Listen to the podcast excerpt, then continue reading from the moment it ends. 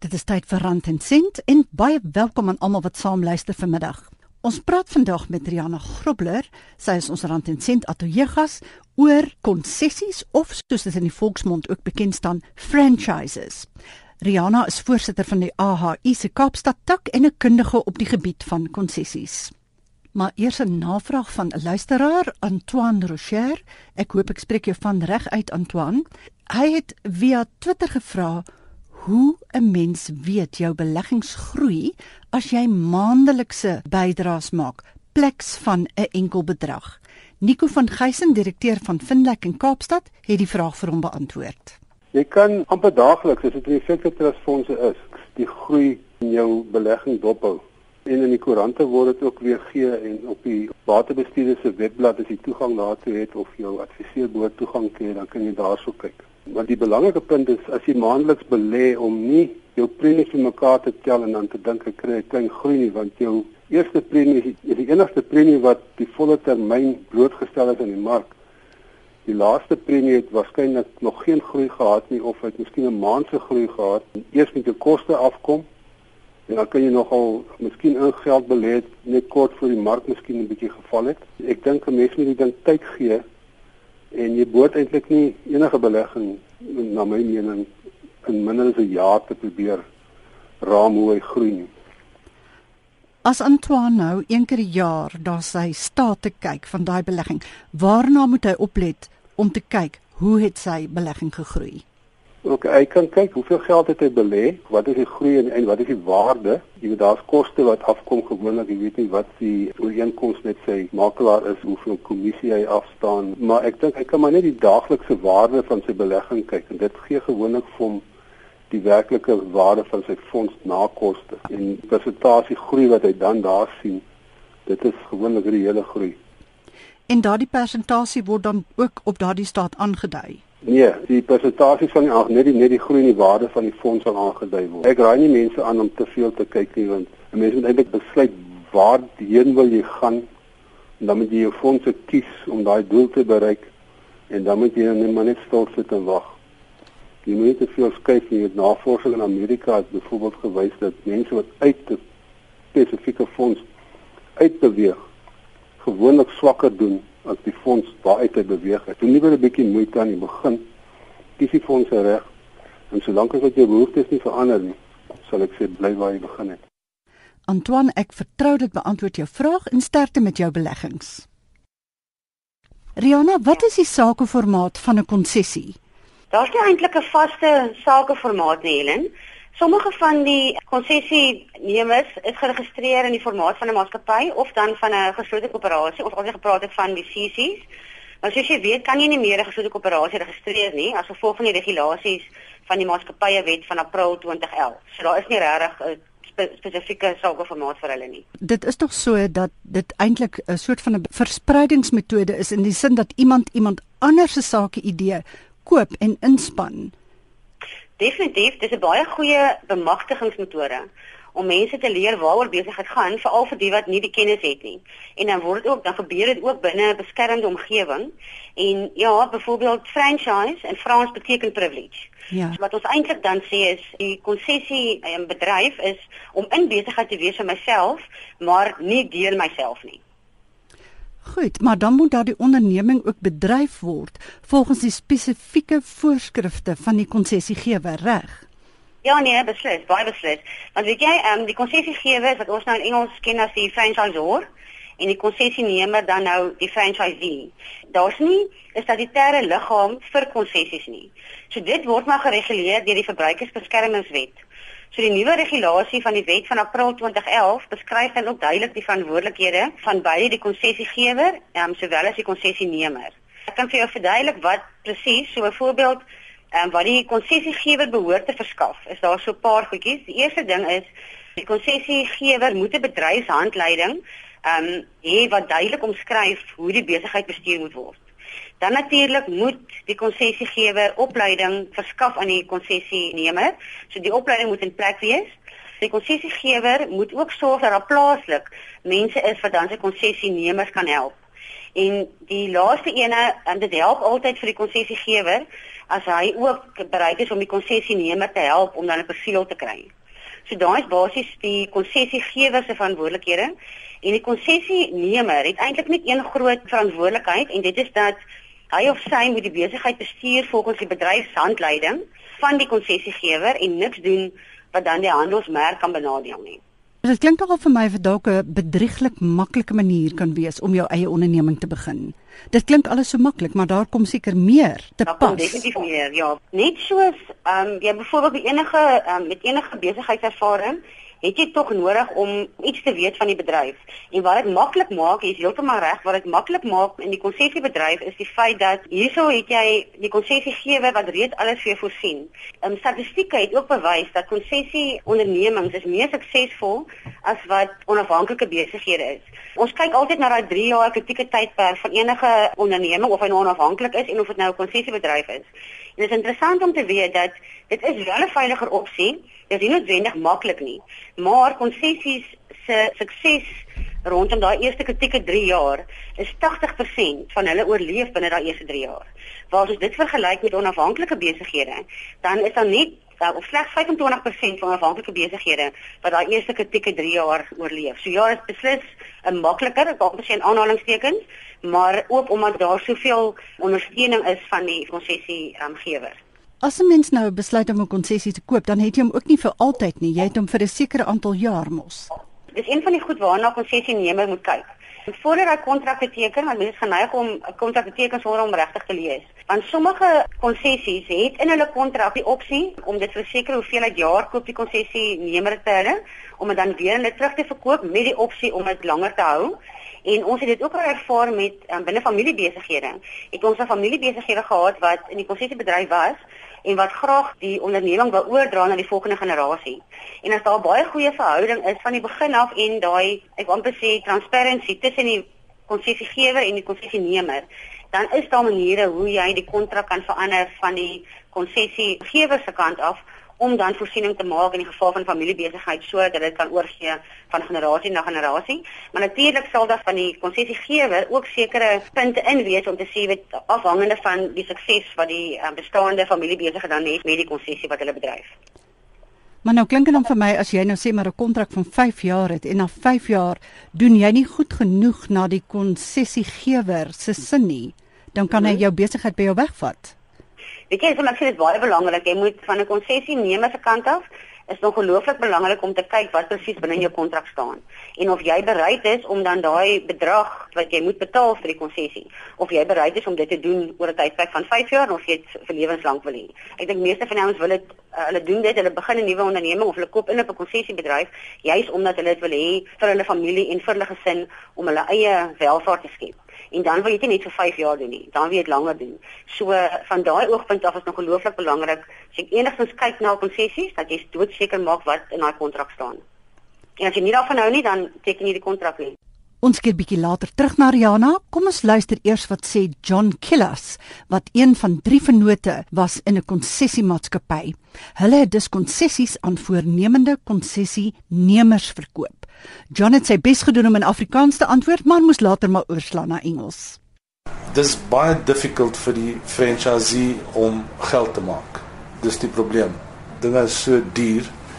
Plus jy moet vir die franchisor sy fees betaal. Dat daar's nie baie geld op die ou end vir jouself. Die grootste ding is dat hulle kan nie geld maak nie. Dis die eerste ding. Die tweede ding is As hulle nie geld maak dan soek hulle vir ander probleme. Dan sê hulle jy help my nie as ek uh, probleme met my staff het. It's very difficult for them to follow all the rules because you set so many stringent rules. Some of them are maybe unreasonable. They spend most of their day making sure that they're keeping the franchisor happy rather than looking after their customers and their business. I definitely believe that franchisees are making money for the franchise companies as I said, very few franchisees make any real money. They used to net 22, 23, 24% five years ago. Now they're netting 8, 7, you know, 6, 7, 8%. But the franchisor is taking 5 to 8% of your turnover. So They're not looking at your bottom line. They're only worried about your turnover. They take 5% off the top or 6 or 7% or 8% and you're left with very little at the end and you do all the work. The person I believe that's best suited for a franchise is first of all someone who is not very familiar with the food game. I'm talking food now. Um, because then they need all the support and the help that they can get from the franchise company if they get any such help. And secondly, a person who's not really, I wouldn't, I don't want to use the word, who's not a go-getter because if I'm in my own business, I make changes all the time. I change my menu, I change whatever I want to change. Whereas if you're with a franchise company, you can't do that. You just got to obey their rules. So they prefer a person who's just going to obey the rules and do what he's told, rather than an independent, somebody more dynamic who's, who'll do things on their own. To start as a franchisee, if you're going to go into food, again, I'm talking food only, um, to start as a franchisee might not be a bad idea if you start with something small because then you get to learn. It's an expensive lesson. Although it might be cheaper than if you go and do something on your own, you know, the two sides to the coin. If you start something small, you learn the rules, you learn how to get by on what a food store should be like with hygiene, food, uh, service, all, all those things. That you learn all that from franchise company, and then you can possibly at a later stage open your own business and implement those rules into your own business. Yeah, it probably would be a wise thing to go through a franchise company, but something small. I, you know, to start off in an expensive franchise, two, three, four million rand. Uh, I don't know if that's a good idea. It's for me, it's a very expensive lesson to learn, especially today. There, there are some franchise companies you know, where the franchisees are making money. I'm not knocking all franchise companies, but most of them don't. Dit was John Killas, nou die eienaar van Olivia's Coffee Bake in Northcliffe, Johannesburg, wat meen dit is nie nou so 'n goeie tyd om 'n konsessie te koop nie. Ons praat nou verder met ons rand en sent ateljee gas Riana Grobler, voorsitter van die AHI se Kaapstad tak en 'n kundige op die gebied van konsessies. Riana, wat dink jy van John se opmerking dat konsessiehouers nou heelwat minder geld maak as 'n paar jaar gelede? Ja, dit kan so wees, maar weet jy, my groot ding is dit gaan nie net oor die konsessiebedryf nie.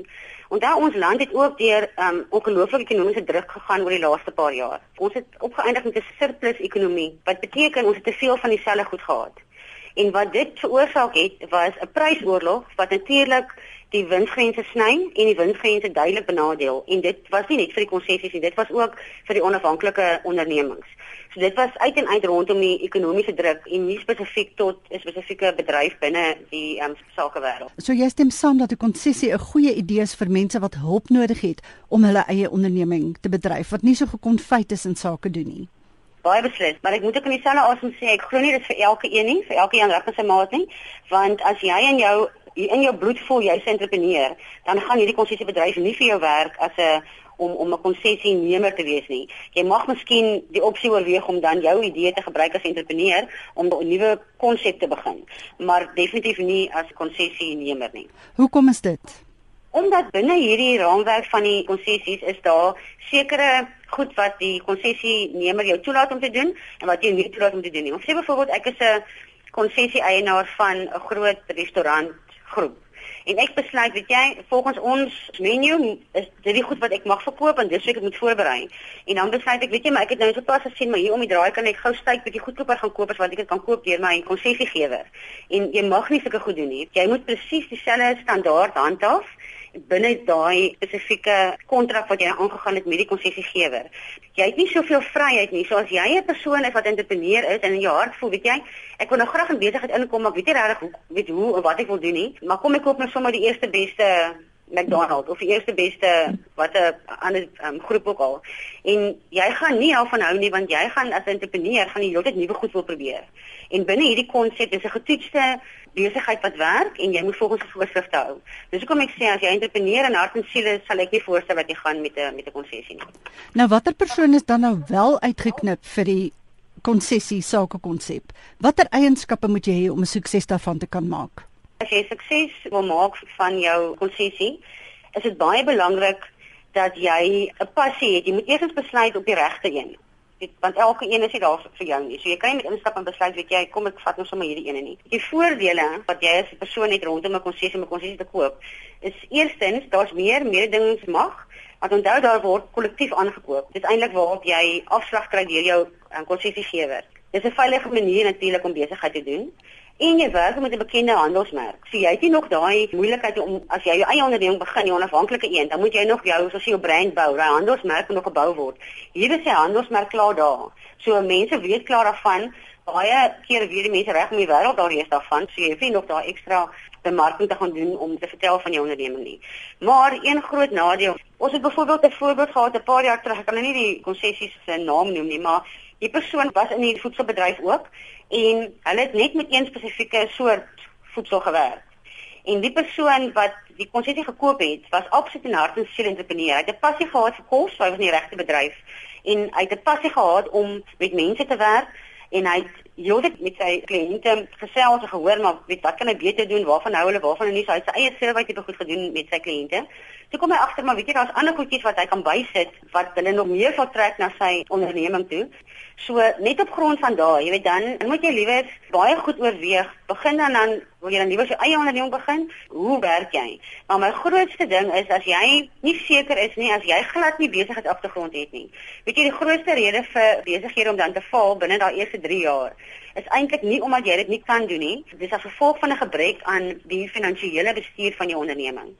So as jy wil hê jou onderneming moet suksesvol wees, dan moet jy daar wees. Jy moet want as jy op die kasse gister hou.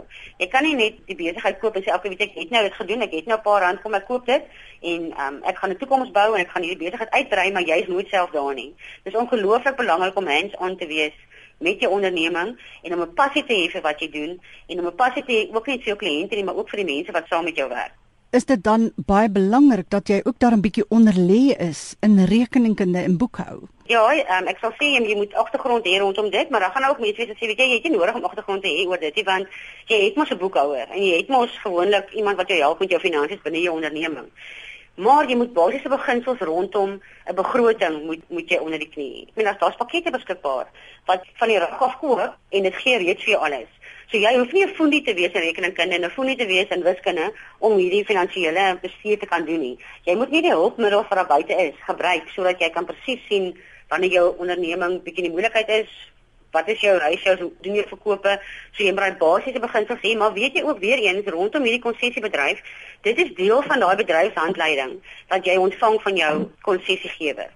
Hulle het stelsels in plek en hulle kan monitor en dis hoekom ons sê, jy weet een van die belangrike goed is om vir die konsessiegewer is om mense ook plaaslik te hê wat daai konsessienemers kan help en waartoe hulle kan gaan as as hulle moeilikheid het en hulle gaan natuurlik ook deur intensiewe opleiding En daai opleiding is grootendeels rondom nie net hoe jy die hulle bestel of hoe die bestellings werk nie, maar ook die program wat hulle gebruik rondom die finansies. Eerste van die ehm um, konsessiebedrywe en onafhanklike besighede het 'n buitepersoon. Ek dink dit is vir veiligheid, dis net om doodseker te maak dat jy alles raak kyk binne jou eie finansiële program en ook natuurlik rondom ons belasting. Jy moet aan SARS voorlees, jy moet seker maak dit wat jy gee, weet jy is die regte goed is afgeteken deur jou boekhouer. Rihanna, jy het nou nog gesê mens moet die regte besigheid, die regte sektor kies as jy wil suksesvol wees. Nou, hoe kan ek onderskei tussen 'n goeie konsessie idee vir my en een wat nie so goed is nie? Goed, weet jy, daar's eintlik twee belangrike goed rondom dit. Die eerste ding is, jy kan onderskei deur te sien is hierdie konsessie wat jy nou gaan koop, is hierdie konsessie 'n lid van FASA? Nou FASA is die Franchise Association of South Africa. So om lid te word van FASA, moet die konsessiegewer um, aan minimum vereistes voldoen en ook aan etiese standaarde. Maar sodra wat jy besluit het watter bedryf jy wil ingaan, dan is dit belangrik om te gaan kyk eersins is is hierdie konsessie 'n lid van FASA, want dit sal op bepaal die onderskeid tussen wat gee die konsessiegewer vir sy konsessienemers en wat doen hy nie vir hulle nie. En 'n ander goeie maatstaf is voor jy gaan besluit om te gaan teken vir die konsessie, is om te gaan praat met bestaande konsessienemers gaan praat met hulle en hoor by hulle. Is hulle verhouding met die konsessiegewer goed? En as hulle weer 'n opsie sou hê, sou hulle nog ehm um, konsessie by hulle gekoop het. Mense is geneig om te gaan vir restaurante en koffiewinkels want dit lyk vir hulle so gesellig. Maar voor in die winkel lyk dit alles baie lekker en cosy, maar agter die skerms lyk dit seker heeltemal anders. Mens moet sekerlik nie jou blind staar teen dit wat jy van die straat se kant af sien nie. Nee, definitief nie. Dis hoekom ek sê, weet jy, voor jy enigstens besluit om spesifiek konsies te gaan koop, gaan doen jou huiswerk.